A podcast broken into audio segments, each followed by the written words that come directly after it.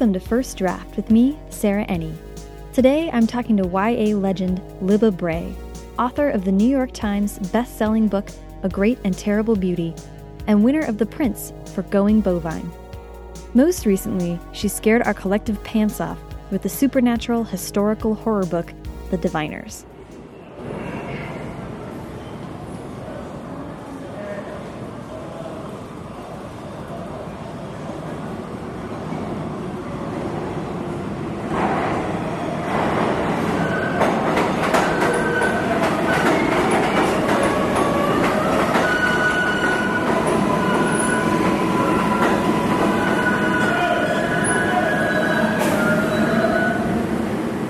Like Natalie Standiford before her, Libba has come to represent a kind of idealized world of the New York literary scene in my mind. And meeting her in real life did little to curb my illusions. Libba moved to New York after graduating from college in Texas and worked in publishing before helping forge the new frontier of YA literature. She's married to literary agent Barry Goldblatt, and they live blocks from other luminaries like E. Lockhart and Gayle Forman. I mean, talk about cool.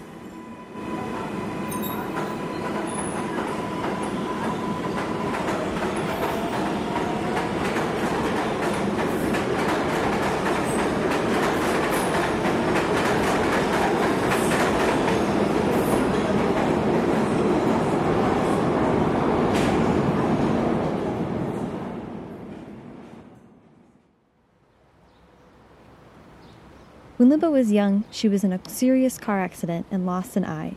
So when I meet up with her at her home in Brooklyn, she was rocking an eye patch and blazing red hair, with a personality not unlike a full speed locomotive. The Texas in her made sure to offer snacks and a drink right when I walked in the door, and the New York in her set off talking at a million miles an hour, dropping witticisms and pop culture references like a stand up comedian. I was so thoroughly charmed that I sat talking to her for three solid hours. As a result, I'll be splitting our interview into two parts, releasing one today and the second part later in the week. On top of being such a delightful force of nature, Libba also took time to slow down and ask me questions, and gushed about all the other writers in her support system who have helped when she was suffering through depression and major writer's block. Her effervescence is only matched by her empathy and depth of feeling. Basically, she's pretty damn special, as you are about to hear for yourself.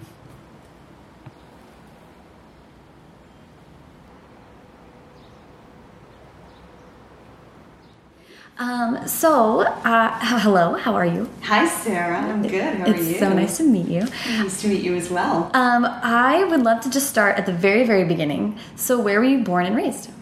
We're going to go way back. Uh, well, when a man and a woman love each other, Um, uh, I was born in Montgomery, Alabama, but without a banjo on my knee, which my mother was grateful. Then, and by the time I was, I think I was not quite three when we moved to Corpus Christi, Texas. Okay. And so I was raised in Texas. I, I lived in Corpus until I was 11, and then we moved north to Denton, Texas, which I have described as Tatooine with a Walmart. And um, yeah, so I grew up there, and then I went to school at the University of Texas, Hook'em Horns, and then I came here. Cool. So, you moved at age 11. That's a little fraught. That's a tough age. Yeah, well, and also I think, you know, people who are not from Texas don't understand how incredibly big the state is and Oh, how, yeah. how incredibly, you know, it's it's it's just it's like its own country. Mm-hmm. And um, to leave South Texas, I had more culture shock going from South Texas to North Texas than I did moving from Texas to New York. I mean, it Really? was just sort of like, uh, you know, I Corpus Christi is like beautiful. It's Yeah. beaches. There's Yeah. it's a vacation spot. And, and well, and, and you know, when we moved to Denton, it was um, it was sort of footloose, I guess. Yeah. I, mean, I was like I it was um, it was very religious Mm-hmm. and very. It was a dry county. Oh wow. Um, It might still be right. They still have dry counties out there. But it's not a dry Oh, okay. county now. But it, but it was a college town, so that was interesting to me. interesting. Uh, I mean, well, not not interesting to me at eleven because I wasn't Right. really wasn't really kind of. If, if they had told me that I couldn't have you know, Barbies, that might have been another thing. But uh, but you know, I, I mean, the story I always remember was that when we first moved there, um, we had to write a story or, or talk about Christmas traditions. Oh, yeah. And so I remember saying, well, tamales. And people looked at me like I had three heads. And Wow. I was like, well, don't, you know, don't, doesn't everybody get together to make tamales at Christmas here? and, like- and they were like, no, no, that's not what happens here. And I thought, Yeah. I don't even know how to be. um, Which is really hard at 11 when everyone doesn't know how to be anyway, with Yeah. people they've known since they were kindergartners or whatever. Well, and I think also I was just I became acutely aware of class differences because Mm. there were suddenly rich kids in the Mm-hmm. school. Because their their dads were pilots for DFW, and they Oh, lived yeah. so they lived there. And uh, remember that you know girls had Jordache jeans. Oh my gosh. And I I was wearing um, a Big Bird shirt, and it was not ironic. Yeah, I was I was loving me some Big Bird. Oh, I love it. Um, I just you cannot imagine how tragic I was. just tragic. Oh, Uh, I had a shag haircut and beginner boobs, Mm. and um, you know, and the braces and the Big Bird T-shirt, Mm-hmm. Oh, the and the Pet Rock collection that the Mean Girl stole. Yeah. Stole it. Right? Ah, I'm starting on a very tragic note. Well, it's. I I think it's interesting when people that write for children have these. I moved when I was 12, also Ah. from Texas to California. So get out. We're in Texas. from um, Arlington. Uh, okay, so you know what I'm talking about. Moving at 12 is not not cool it's very uh things you feel like everything's happening to you and you have to just like dodge bullets all the time Well, funny you see bullets because the day before we moved, my brother got shot in the head. what I know. I tell this story and everybody's always like, Oh I'm sorry. Er, Back Yeah. up. And I'm like, oh, you know, when your brother gets shot in the head and then you're moving, it's taking two and a half days to cross the state. It's like Faulkner. Oh my God. AM radio. what happened Okay, so my brother had gone to say goodbye to a friend of his, and they mm-hmm. were using one of those like high-powered BB guns that you can pump up. The my brother's friend, my, my brother went to pet the dog, so he was leaning down to pet the dog, and my brother's friend went to put the gun down, and it discharged and got him in the temple. at close range Yeah, at close range. So and I actually took the phone call because I was at home. Movers are like putting things on the truck. yeah And I answer the phone, and um, and you know the dude is like, "No, I need to speak to your mom," and I'm like, "Okay." So he's like, "Mom," and uh, my my mother you know gets on the phone. Of course, she's hysterical. Mm-hmm. So my parents had to rush my brother to the emergency room, and. Um, this was like, you know, this was the 70s. So I'm pretty sure that the doctor that examined my brother was probably smoking a cigarette at the time. You know, like, ah, I don't know, that'll buff out. right Yeah, walk it off, kid. And um, so they did an X-ray and they didn't see a bullet or anything. You know, they didn't see anything in his head. So they're they're like, oh, he'll be fine. So my parents, my grandparents were there, and we've got two cars, and so we were driving from South Texas down the Gulf of Mexico all the way across the state up to North Texas, closer to Oklahoma, which is a two and a half day trek, Oh, yeah. basically. And we'd have to, you know, we'd stop at the rest stop, and my grandfather would be now, now, Libba, what do you think about that? Now, let me tell you, there's an interesting thing about that over there. And meanwhile, my brother's like vomiting and hallucinating. Oh my you know? And um, and so we get to Denton, and the first thing that happens is, of course, my parents call a doctor, and the doctor makes a house call and looks at my parents. It was like, this kid has to be in a hospital. so, wow yeah, so the first week that we were there, he's in the hospital. My parents are having to go back and forth. My grandparents are staying on, and so I'm in it. You know, when I go to this new school, and uh, it was. Um, all kerfuffled it was it was a bit kerfuffled. Yes. oh my There's a lot god that's kerfuffling. crazy I know. so Welcome to my wow family. so wow starting with a bang in denton so to speak. oh god i didn't even mean it oh no um, She's a witch. folks. Oh, an accidental, possibly offensive wit. That's where we're going. Um, I'm safe here. As I say, I put my foot in my mouth so many times I can sell shoes out. um, so wow. Okay. So, um, so okay. So you're in Texas. You you graduate Texas high school. You go to which college did you say? I went to the University of Texas at Austin. UT. Okay, that's awesome. Um, What about you? Where'd you go? I went to the University of Washington, But if I had been in Texas, it was UT all the way. I was already wearing orange. It was like, it was happening. Um, but my parents are from Seattle, and my dad went to UW, so it was Ah. kind of a family thing. So you're in UT. I think. What were you studying? I um, I started out as a radio, TV, film major, and I think that lasted about a semester. Um, so you know, I'm in these 500 seater classes, Mm-hmm. Oh, yeah, yeah. and I was um, I was utterly overwhelmed. Although I did take some great classes. Uh, you know, in, fact, one of my favorite classes that I took the whole of college was a history. I think it was history of film. Oh, cool. Yeah, that A sounds. note for everybody: the air conditioning is just. That'll mess with your level.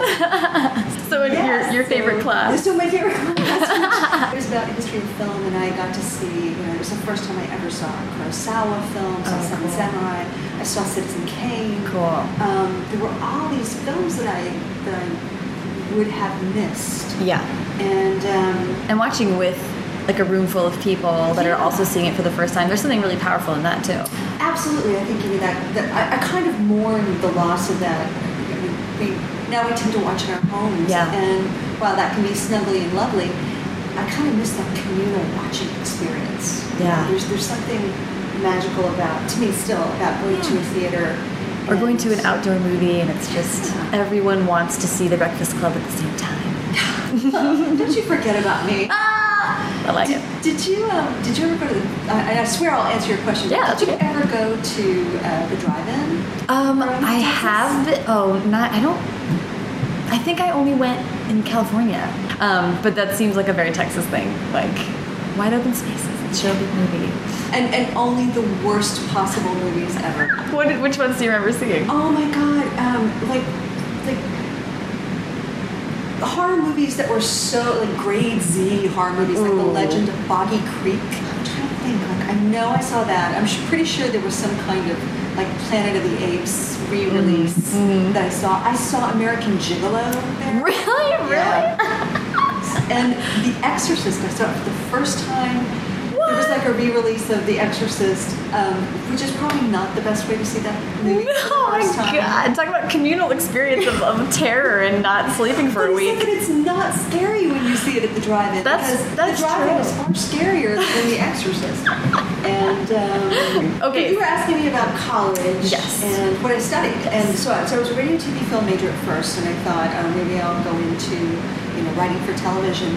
And um, and then I switched over to the drama department because I had grown up doing theater and really missed it Yeah. and got into the drama department. And by the time I got into the drama department, I realized I didn't want to be an acting major. I Uh-huh. wanted to.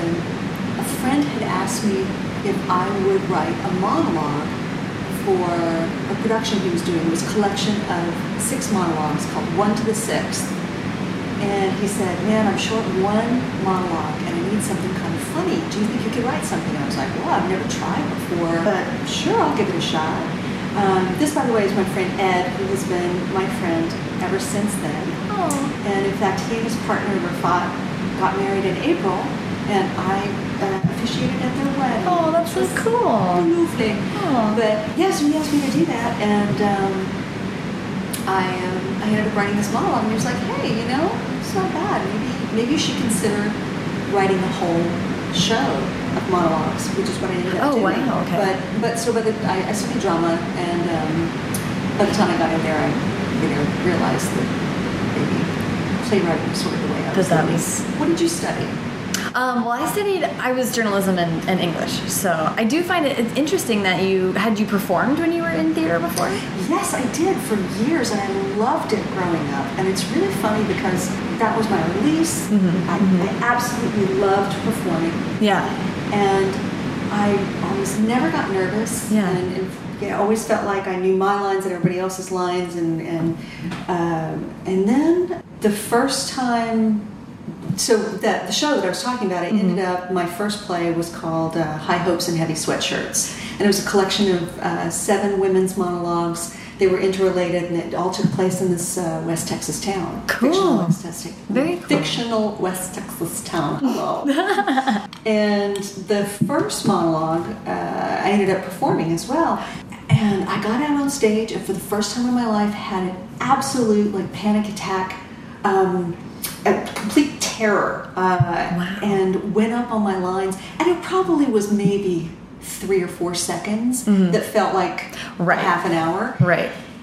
and it completely shook my confidence and i was never i was never the same after that i, I know it's terrible i i was i was absolutely like i thought oh my god that can happen you can Right. just completely forget your lines and um and i still performed for a while but it not with the same enjoyment and abandon Yeah. Do you think Um, was it like a, the size of the audience, or just being outside of the comfort zone that you'd been in before? You know, I think looking back on it, I had had um, I had had this really serious eye infection. You know, I mean, I have an artificial eye, and um, I had gotten this really bad eye infection, and had had had to sort of be hospitalized and have IV antibiotics, and so and then they had to go in and do like a little bit of minor surgery, and and it was the week that the play was going up. Oh, so I had gotten out of the hospital that morning and went on stage that night. Oh, wow. So uh, you know, it was sort of, it was kind of a crazy time, and my um, my boyfriend at the time, who was like my big you know college sweetheart, had decided that he was going to. Um, just leave and go. His brother led these ornithology tours, like you do. Of course. Sure. Um, and his, so his brother was an ornithologist, and he was like, oh, I'm going to go with Dave down into, uh, we're going to go to um, Central America, and we're going to go birding for like a year. And I was like, thanks for letting me know. Yeah. Um, this is the same guy. I love Pat. He was he was wonderful.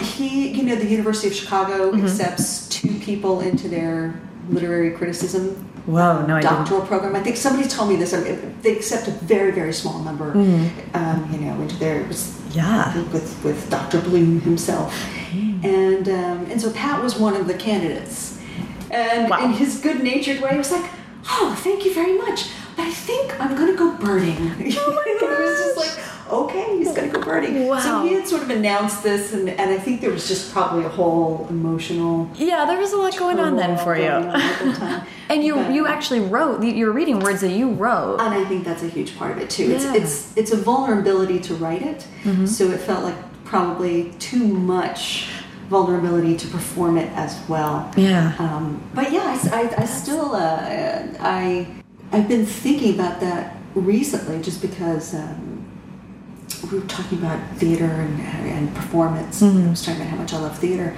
but I don't know. I, I don't.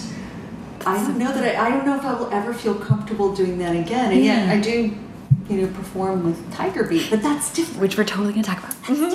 Did you ever do theater or anything like that? No, I well, when I was a lot younger, actually in middle school, I did some. Um, when I was a, y- a lot younger, I thought I was so great.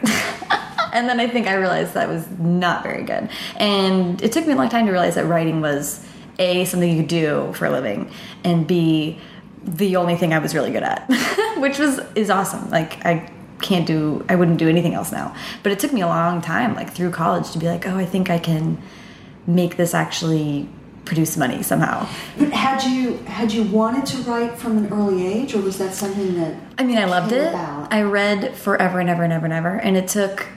I really felt like authors were not real humans and that they were sequestered somewhere special, and it was very magical and mysterious to me, and I didn't think that it was possible. So then I went to school and immediately decided I was going to study English, and that was all I wanted to do. And then two years in, I was like, I don't want to teach. I don't want to, you know, whatever. I don't really know what else to do but journalism became increasingly interesting. Like college, I got much more involved and much more aware of what was going on, and journalism became very interesting. And I got into the program and really loved it. Um, so I've been doing that forever. Towards the end of college, I got the idea that hey, I, maybe I could write a book. Like now I've read so many, I think this is a thing, and I had this dream that was a book, and I was like, maybe this could happen. But then I didn't do anything about it until my dad passed away, which is I was 23, and it was like. young. Yeah, super young, and he was only 50. It was a horrible, horrible thing. And I just moved to Washington, D.C., so I was 33,000 miles away from my family. So it just was, it had to happen. It took that to be like, what are you wasting your time for? Absolutely can happen, needs to happen, it's gonna happen right now. But yeah, it was funny because a lot of people are like, I've been writing since I was 11, I've been doing this and that. And I had like notebooks full of some goofy sci fi stories, but it wasn't with the intent of ever going back to something like that. So I don't know. It's, it's interesting to me when people are like, "I've written stories since I was five, and I have a whole shelf full of things that I wrote myself," um, because I don't have any of that stuff. It's weird, but anyway. Yeah, no, it's it's very. Um, well, first of all, I'm sorry about your dad. Well, thank It's you. Very young to have that happen, and it's. I do think there's also something about. Um, there is something about losing a parent that I think. Um, it does sort of tend to make one, uh, you know, feel like, all right, well, I need to make this happen. Yeah. In a way, and I don't know if it's the fact that the person who stood between you and the abyss is is now removed, and you're that much closer. Um, I don't know. I, I know. I know that after my father died, um, I spent six weeks just like diving into writing a play, Yeah. and and then spent months just trying to make that happen. And, Wow. and you know, like, but that, that it that it was definitely a, a feeling of there, there was some kind of I, I'm, I'm not articulating it very well, but there was definitely some kind of emotional turn Yeah. where I went uh, from um, where, where it just took on a new. Um, I feel like it was a it was an urge to honor him in a big way too. Like I had all these feelings and it was every single feeling that you've ever felt happening all the time all at once. And there's a lot of drama in that and you just turn on the spigot and see what happens. It's a coping huge huge coping mechanism. absolutely, absolutely. How old were you when your dad passed? I was 31. That's not- so old, older than, than wow. you. That's Um, not- I mean, but it sounds like your father's uh, passing was very sudden too. My Yeah. father, my father had AIDS, so I, I got to at least spend the last three months of his life with him. It's kind of a, a very rough ride, but but at least there was plenty of time to say all the goodbyes and to say whatever needed to be said. Right. Which I think is, I, I call it the terrible gift because what it does do, or at least what it did for me, was to make me go, I mean, we spend so much time in, in some way, whether concretely or unconsciously, uh, fearing death. And so to then kind of be up against it and just be like, well, this is death. Yeah. And it's uh, in, in this case, it's like, oh, it's a process. It's a process, just like living. And, and to watch, and my father was very gracious. Um, you know, one of my favorite things that happened was, you know, unfortunately, what he had was cryptosporidium, which is um, it's the wasting disease. So, uh, which was just horrible because my father loved to eat, and so he weighed like ninety-seven pounds. But they would come in every day. The the, the nurses uh, would come in every day and, and say, you know, there was this one nurse, bless her heart, as we say down in Texas, mm-hmm. and she was just really chipper and just really annoying. Yeah. And so she Yeah. would just come in and she'd say, she'd say, "Oh, Mr. Bray, I need you to take your medicine in this, you know, mm-hmm. in this yummy applesauce." And my father was very gracious. He was like, he was like, "Oh, I, I really don't want any applesauce. Oh, you're gonna like this yummy applesauce. I need you to have some." I really, really don't want any applesauce, thank you. And she's like, oh, now I know you're gonna, yeah, I just need you to have this applesauce. You know, and it was, we go on until finally my father takes the medication in the applesauce. And she- as she walks out, he turned to me and he said, In heaven, there will be no fucking applesauce. Oh my god. But, Oh, um, that's amazing. um, yeah, it's, I think I totally got off track. You had asked me a question related to, I think, Well, what I really am curious about is you sort of, it seems like you sort of knew that writing was a part of what you wanted to do, but it wasn't books. And I'm curious about how stage writing for the stage, what was it that that was fulfilling for you? What did you like about that? Um, it's a good question, and and like you, I had no idea that I wanted to be a writer when I was younger. Um, you know, I mean, I wanted to be Queen of England. My name was Elizabeth. Her name was Elizabeth. I just thought That's she it. Can't, look, she can't be the only queen for a long time, right? That's not fair. Let another let another Elizabeth have a crack at it. Right, right. I, I, I can I can raise corgis. I can wave. Um, and you know, I so I really had no idea, except that when I look back, I realized that I was writing, I was telling stories. I, I, you know, I would be the one to tell the ghost stories at the Yeah. at the you know campfire. I think it was often how I kept my I, I kept kept from getting my ass kicked because please see previous reference to I had a pet rock collection. Right, right. Um, these are my rocks, and this is Astrid, and this is Rainbow. You have to be very careful with Rainbow, okay? It's a very delicate rock. And it's very smooth. No, I don't like the way you're handling Rainbow. Rainbow down on the on the Kleenex bed that I made. Yes, I Wow. did make a Kleenex bed. It is a miracle that I survived to adulthood. I just did not get my ass kicked all over the state of Texas. no wonder the Mean Girls stole my collection. I'm just saying, I don't hold it against them. Um, so, but you know, like I, I tell stories, and I was Yeah. writing lots of weird little things, Yeah. uh, but I never thought about it as a as a career. And much like you had said about just this idea that you don't become an author, you know, Right. Like like that's just that's like that's like saying I would like to be a space alien. Right. So- right. The, it's like the giver. These people are just they are aloft and away, and we won't disturb them, and just hope that they continue to bless us with their magical. Exactly. It's like some kind of reverence for books that goes way out of hand. Like, I just couldn't imagine that that could actually be a career track. you know? Right. Although mm, I thought though that I could be an actress, so you know There you that, go. that's crazy. and queen, apparently Queen of Queen of England, okay, that's true. but an author, whoa, Hold your horses. Yeah, come on, settle down. So uh, yeah, but but I guess because I had been in theater, and really what happened was, uh, so when I was 18, I had this really serious car accident. You know, was lucky to have lived and spent the summer following my high school graduation going to hospitals and getting my face put back together because I had pretty much broken every bone in my face and had my jaws wired shut and they had to rebuild my nose and many times and you know and I had lost my left eye and um, and so that summer was sort of a, a time of what I would call still magical childhood thinking where you think everything's going to be fine. And in fact I think probably because everybody was so like oh my god Right. you know you're so brave and I just thought, wow, I am so brave. Look at me, I am brave. right. Hold on, photograph me from my right side because that's the really brave side. You want to get that extra sparkle, people. And so, just as I was going, I insisted on going to college Mm-hmm. and moving into the dorm, even though the college was in my hometown. I went to North Texas for one year. Oh, okay. That, that first year. Because I was still having to go see doctors Right. all the time. Right.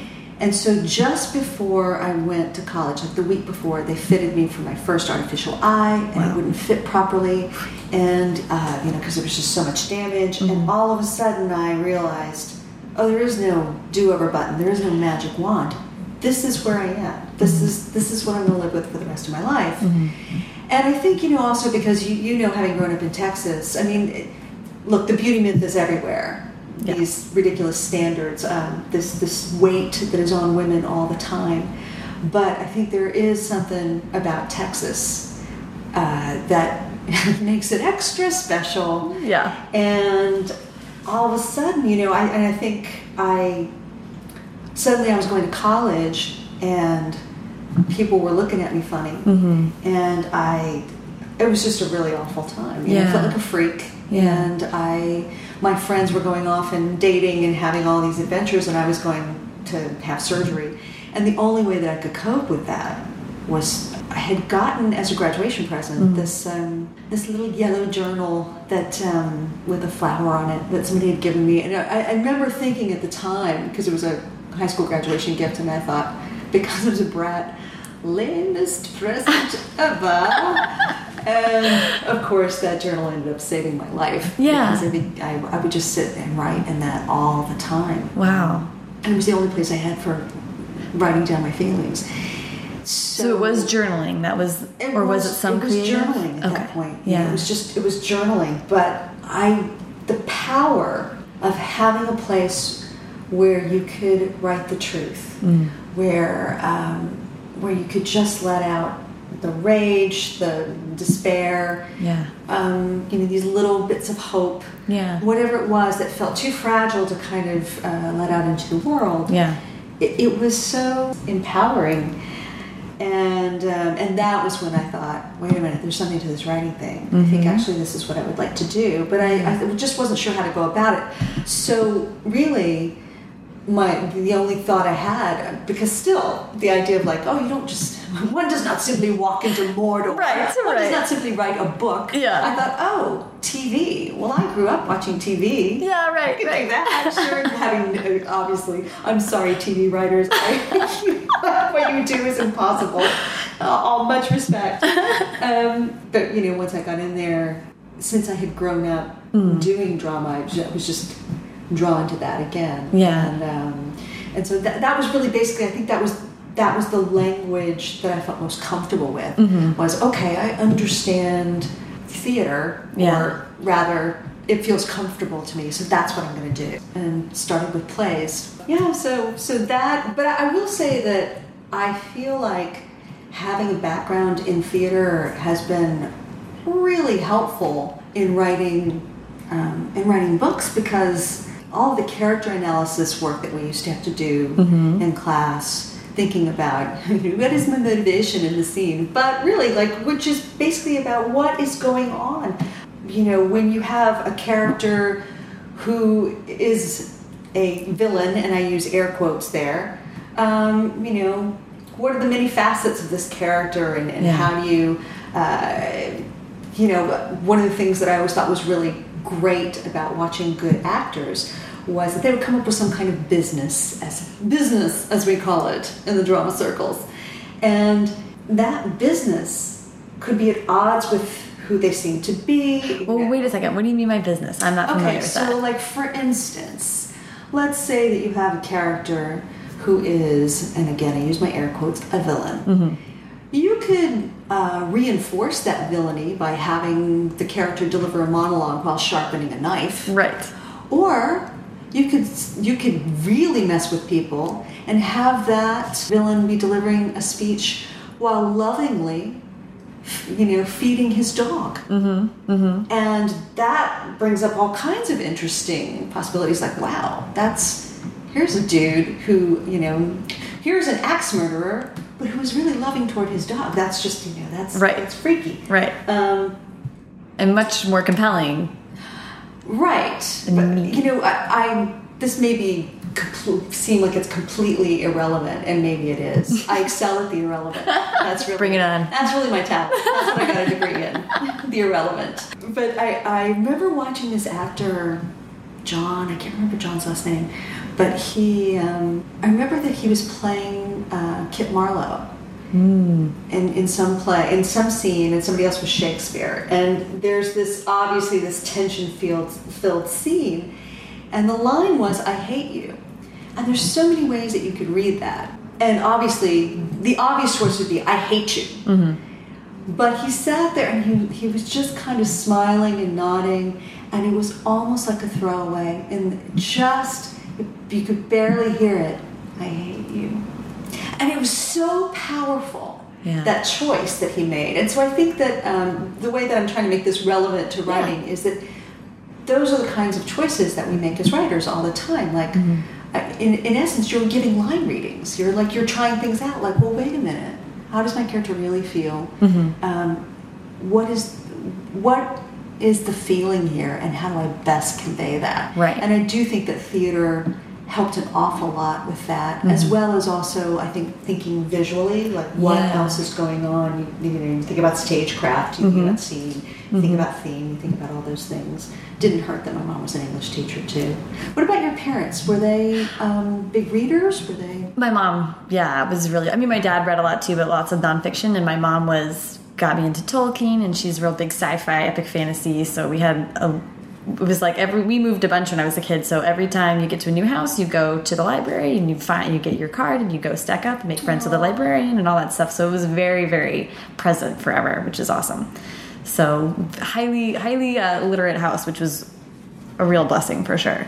Um, but you, was there was there a book that that you remember? I always think that there's like a book as a child and a book as an adolescent. Was there a book as a child that was like you know you the, your book, the book that really did it for you? Well, I wonder uh, whether this counts as child or adolescent, but I do remember The Giver changing my entire world. Like that was a new set of gears were put in motion when I read that book. Out of control, and I got to interview Lois Lowry as an intern in college, and freaked out. It was a phone interview, and she was amazing, and just of course lovely. And I was like, you guys don't even understand. I'm losing my mind right now. It was because that book is just a game changer, kind of. She she spoke um, at uh, the BEA breakfast. Do you, were you there that I was year? there. And we were all in tears. Oh my gosh. And but I, I still think about what she said, uh, which I loved Mm-hmm. when she said when she was talking about how people say you should write what you know, Mm-hmm. but that she wanted to write what she didn't know, what kept her up at night. Mm. And I thought, yes, that's it. That's Yeah. it. What keeps you up at night? Yeah. Um, I loved that. Oh. She's amazing. Yeah, she was amazing. Oh my gosh. But what was that book for you? Do you remember? Um, as a child, it was Charlotte's Web. I, I think I read it by myself when I had chicken pox and I was home.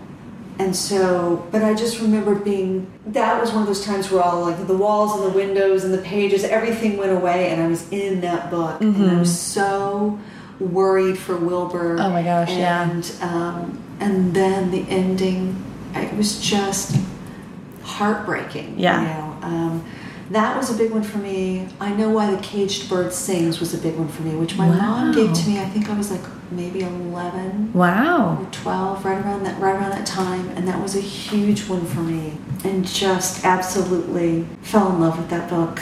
And then what about adolescent? Well, I don't. Um, I mean, that one's um, a harder one. I do remember tons of books that I read for for school that I actually really loved. Um, Like what? Uh, Their eyes were watching God. I remember I read twice because, and that was like that like didn't happen. No one had time to re to reread a book, but I was like, you guys, I can't get over this book. It was absolutely amazing. Um, and I kept reading a bunch of fantasy books and just and continued rereading Tolkien. And there's a Tolkien class at the University of Washington that I took. Unreal because the woman that teaches it speaks uh, Welsh, speaks uh, Gaelic, every language. Wow. So she spoke uh, like uh, the the uh, dialect of Mordor. She could speak it in the way that he was thinking it. I'm just like freaking nerd out hundred percent. It was such a cool class. Um, but uh, the yeah, I don't. I, I so I, and I really loved um, uh, For Whom the Bell Tolls and some of these books that were just that were older, but I really, really dug it. I, I liked. That's why I think I I didn't know that comparative lit was a thing. I wish I'd read more. Um, uh, what's the word? The translation texts. I just thought English meant all books ever. Didn't really know that I was limiting myself, but I think that's why I was like, I'm not done reading like canon yet. Like I'm, I'm, I'm I still want to know what what the reading lists have for me because it's so incredible.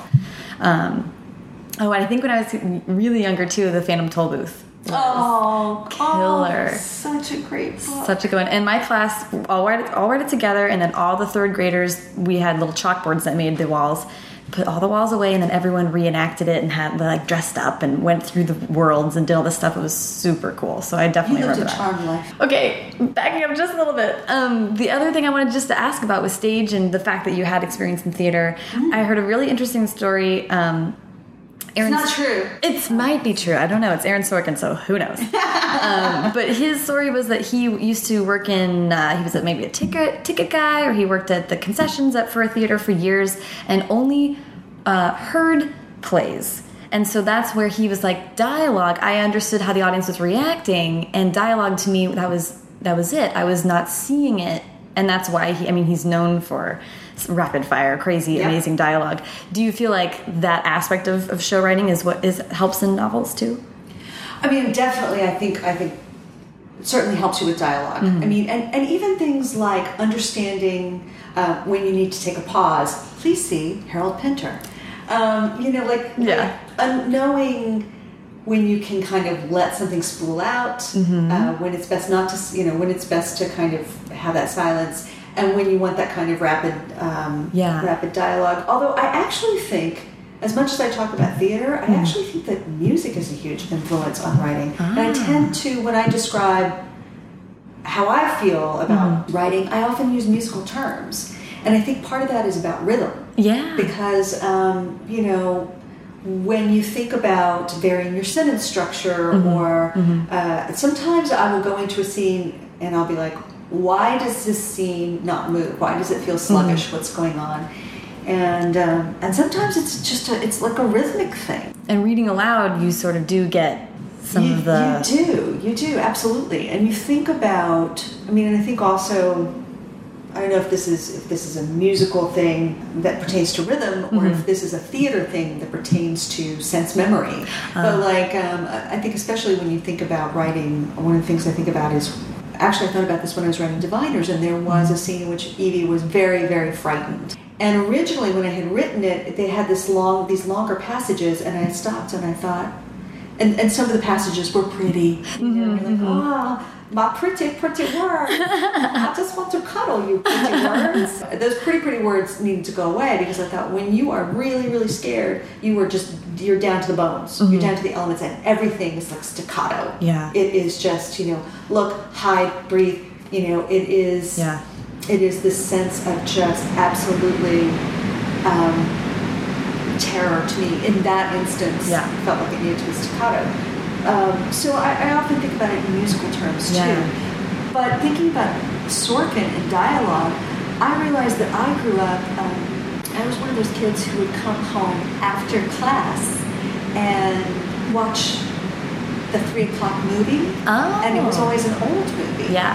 So screwball comedies. I mean, Oh. watching The Thin Man, watching um, Bringing Up Baby, mm -hmm. uh, watching the Marx Brothers, Mm-hmm. And uh, so so that sense of of comedy. Yeah. And actually, uh, I know he gets slammed a lot, but Neil Simon, Neil Simon plays. Yeah. And I think because my family, I grew up in a funny family. Mm-hmm. You know, like I can remember going to see, watching Woody Allen movies pretty early on. Really? Yeah, My mom yeah, was really into Woody Allen. So I, I think that's that sense of sort of, you know, rat-tat-tat Yeah. dialogue as well. Yeah. Probably came actually more from film than necessarily from plays, except for Simon plays. But, um, Interesting. I think that's cool. And a sensibility. I mean, everything you just listed is sort of. I can see that sensibility. I feel like in your in your work. Thank you. What would you say? I mean, like, if you could you isolate what some of the influences are on your work? Do you feel that? Well, I feel like it's changing because um, I started writing when I was 23 and I'm only 29. I feel like it's it's a lot of, of shaking it out a little bit. Um, but I mean, I definitely go for. This might be a weird way to answer, but I will say that the book that was very close that I that I still love and spent two years writing.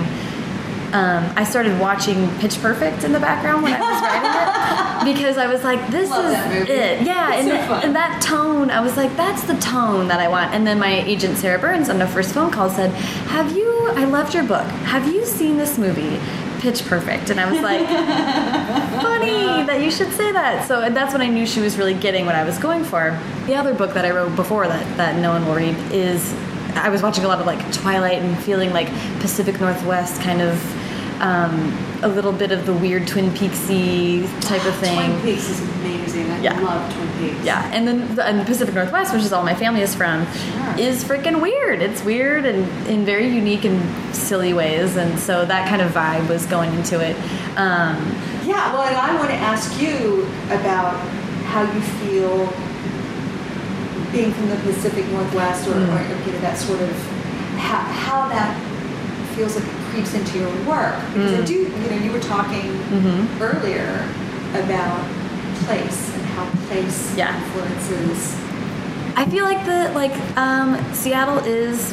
I'm just hugely proud of being from there, and I'm I'm one of those people that's like, What a great town. It's so great, and and it's still it's growing. It's like the top growing city in the U.S. right now. So it's getting less and less like this. But you, we're a town that has a huge ship on its shoulder. Like no one pays attention to us, and they steal our basketball team, and um, East Coast bias, blah blah blah. Um, so it's very like very, like a like a pride in it, and um, I would love to hear what how I think Texas is so unique. It's so its own thing and place.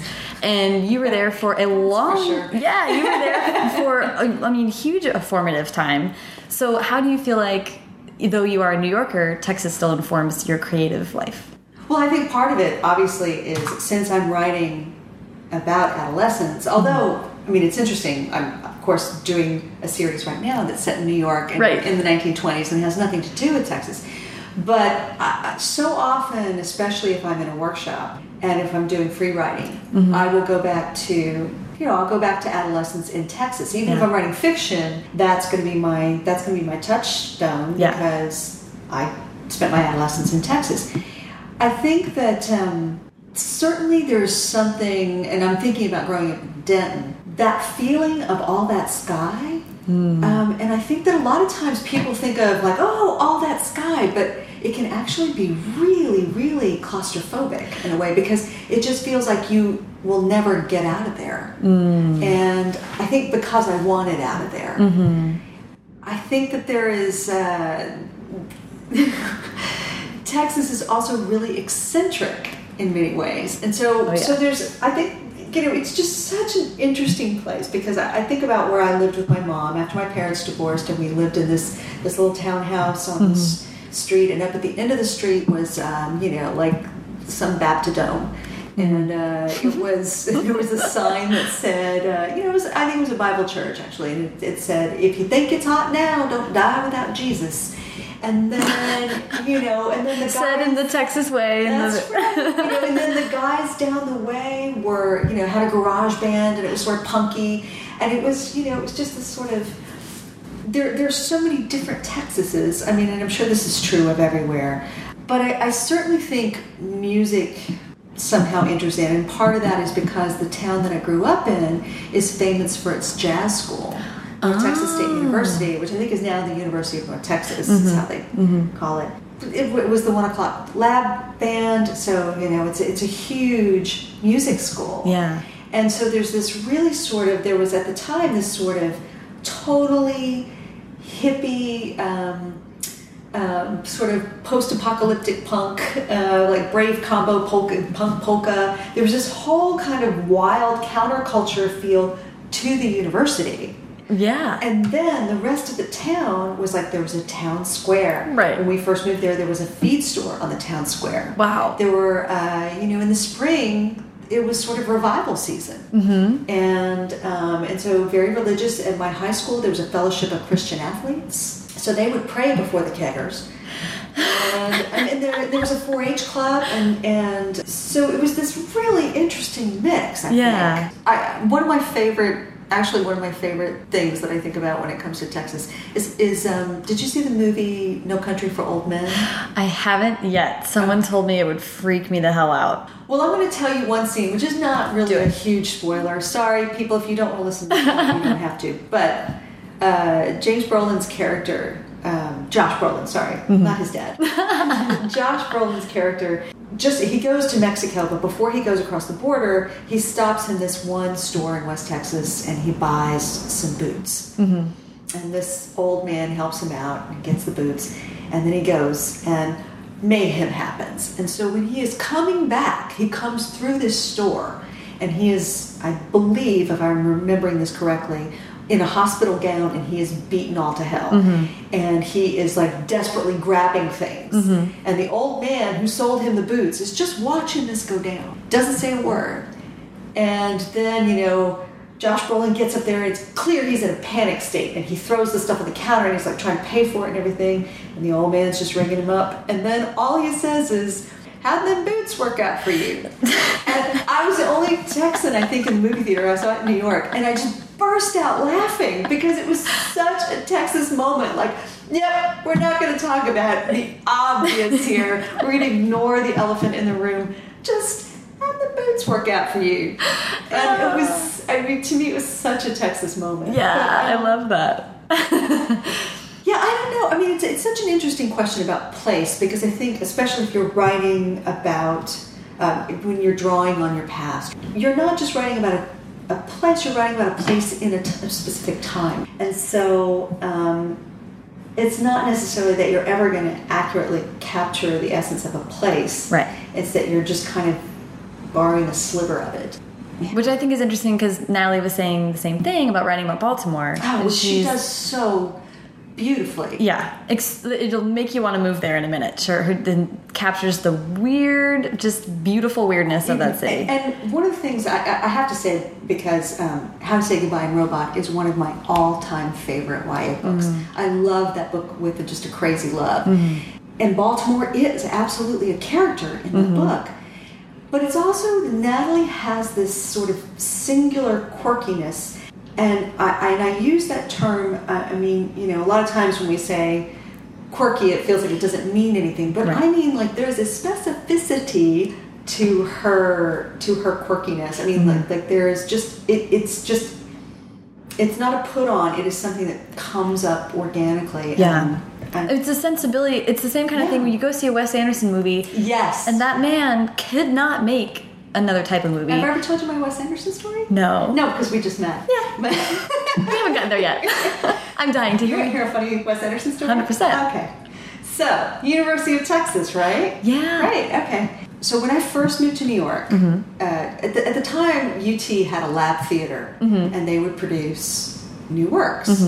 And so my second play was being worked on there with my friend Ed, the Cool. same one who had asked me to write the first play. got you started on- Whose wedding I just officiated at. So cool. And so Ed and I were working on uh, this play. This was a play that was like, I think it was set in 1968 in a in a go-go bar in um, in New York. Cool. Um, and of course, I had never been to New York, and it, you know, I didn't know Right. anything. um, God, the chutzpah! I will just, I will just write this story that's set in 1968 in New York, and I will do no research.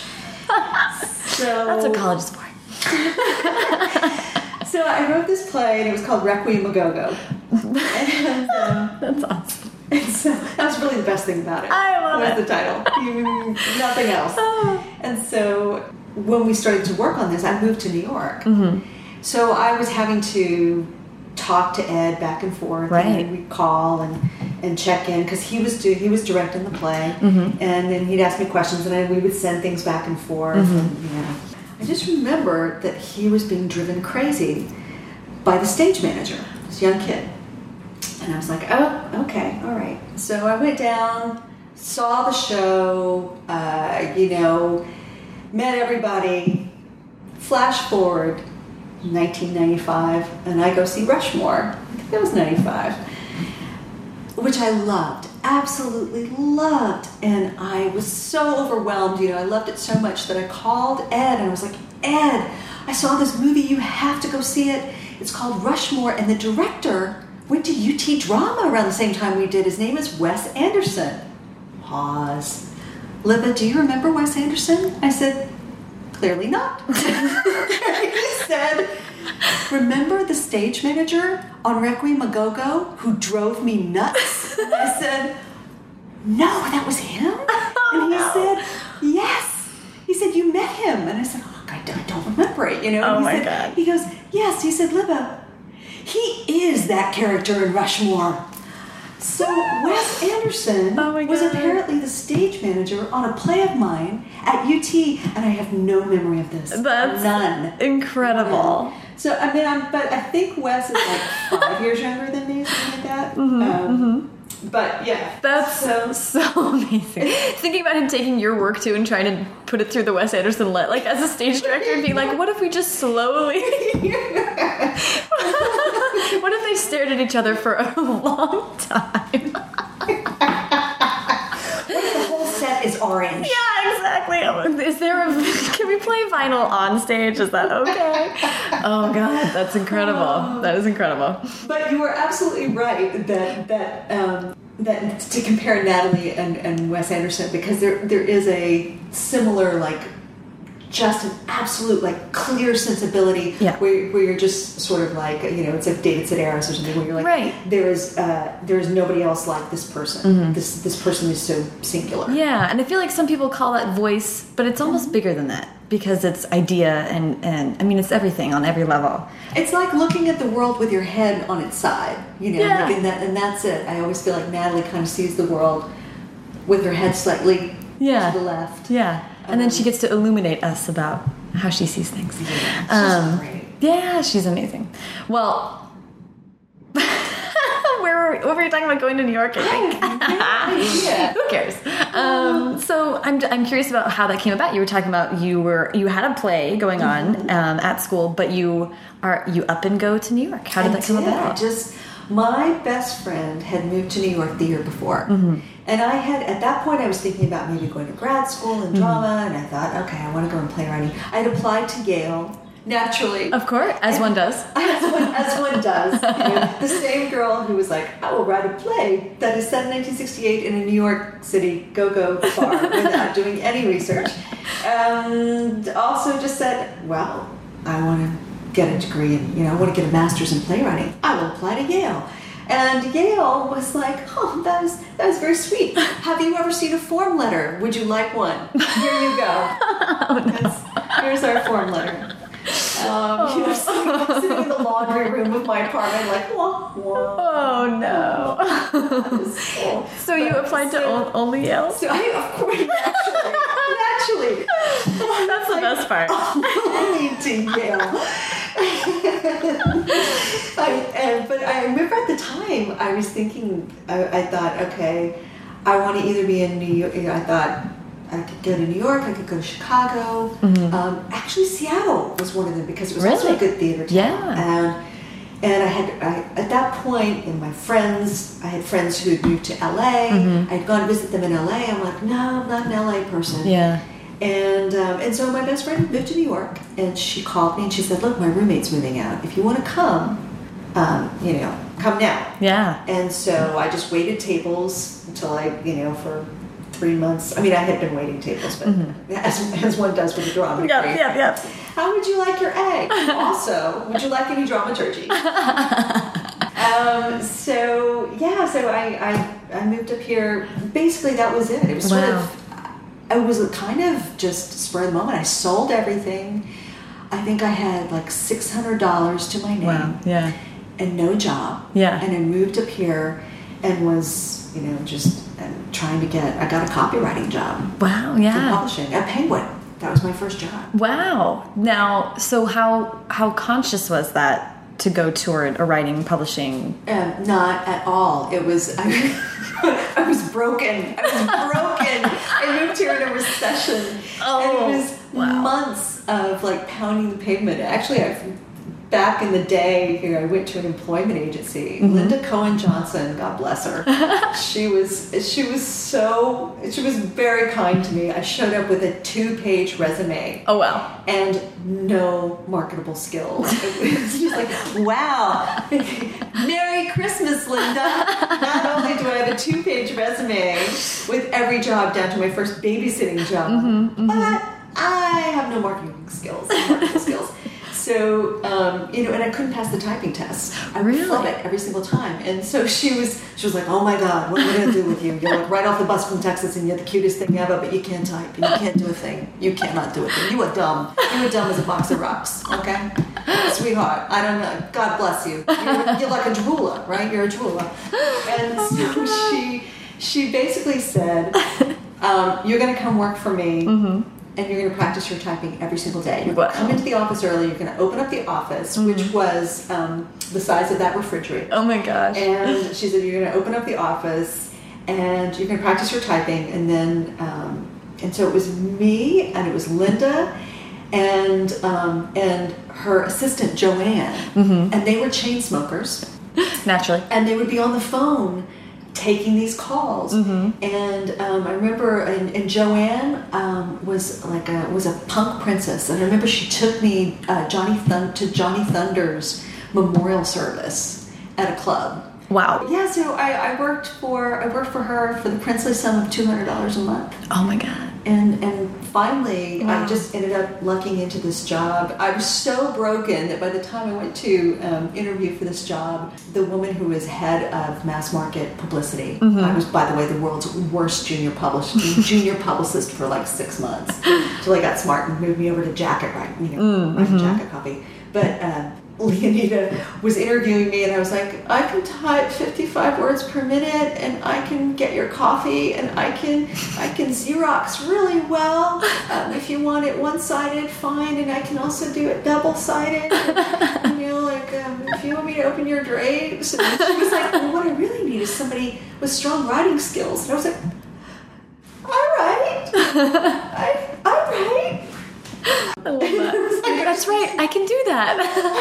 I can do that. I can do that. Uh, yeah, I just remember like one of the jobs I had was stuffing envelopes at an insurance company and licking them, millions of them. And one of the guys I was working with looked at me and said, "You know, you got a real knack for that." And I thought, this is the lowest ebb of my life. I've just been complimented for the way I stuff and lick an envelope.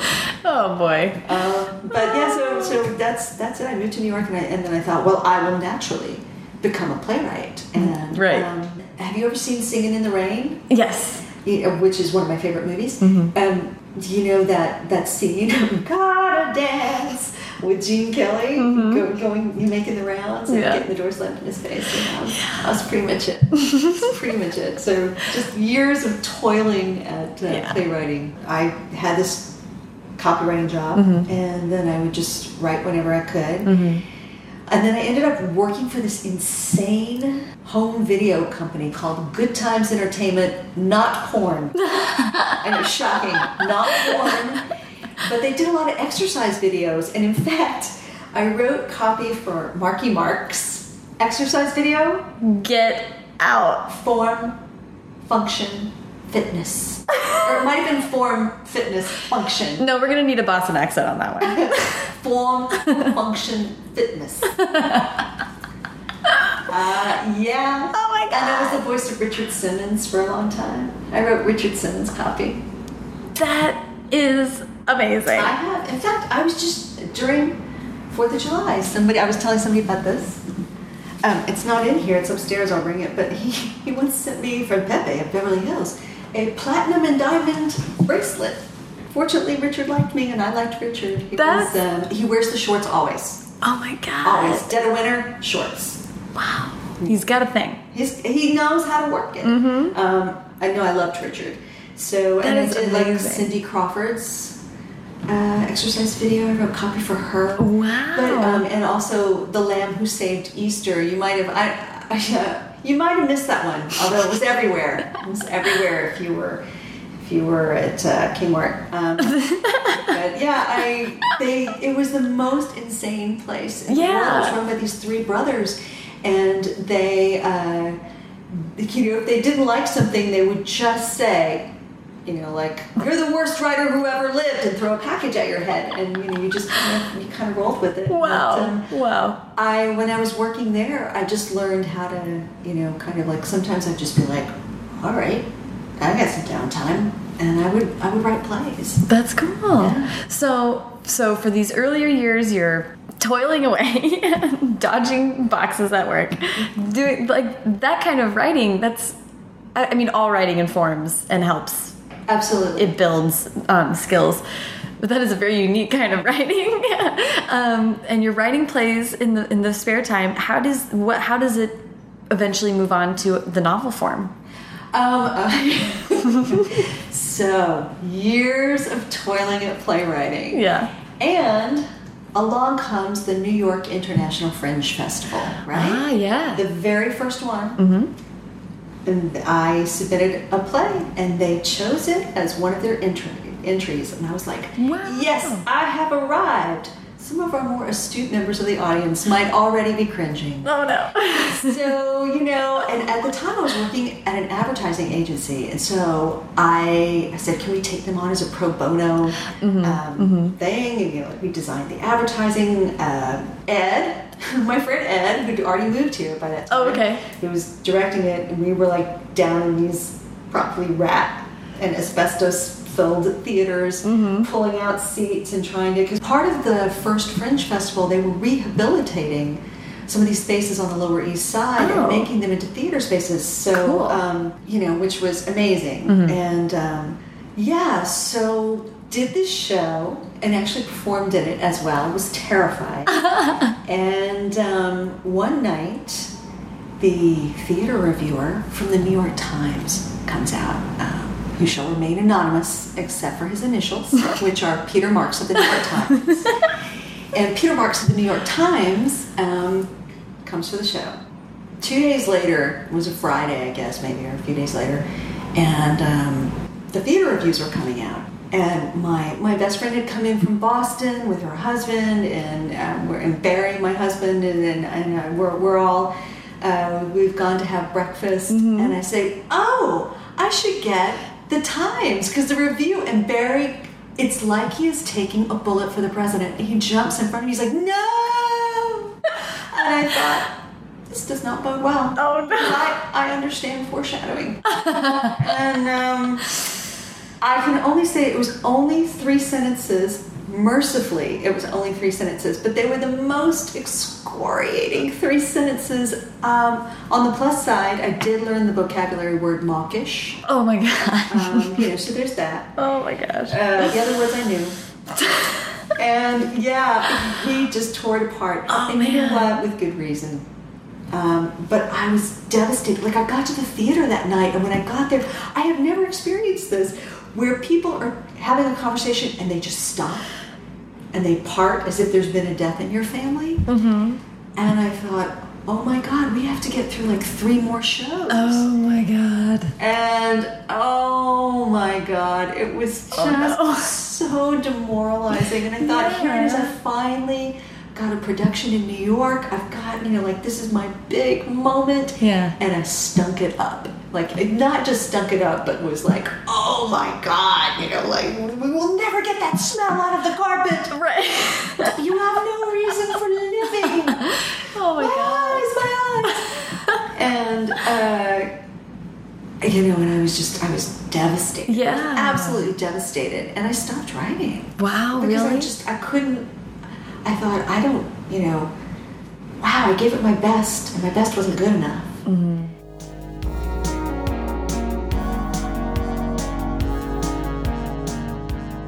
Thank you so much to Libba. Make sure to check out the second part of our interview, in which we learn how Libba bounces back from her stage performance disappointment, how she discovers young adult literature, goes on to have great success in that field, and continues to deal with the everyday struggles of a truly creative life. Follow Libba on Twitter at Libba Bray, follow the show at First Draft Pod, and follow me at Sarah Enni. Thank you so much to Hash Brown, who composed our theme song, and thank you to Colin Keith, who designed our logo. And as always, thank you so much for listening.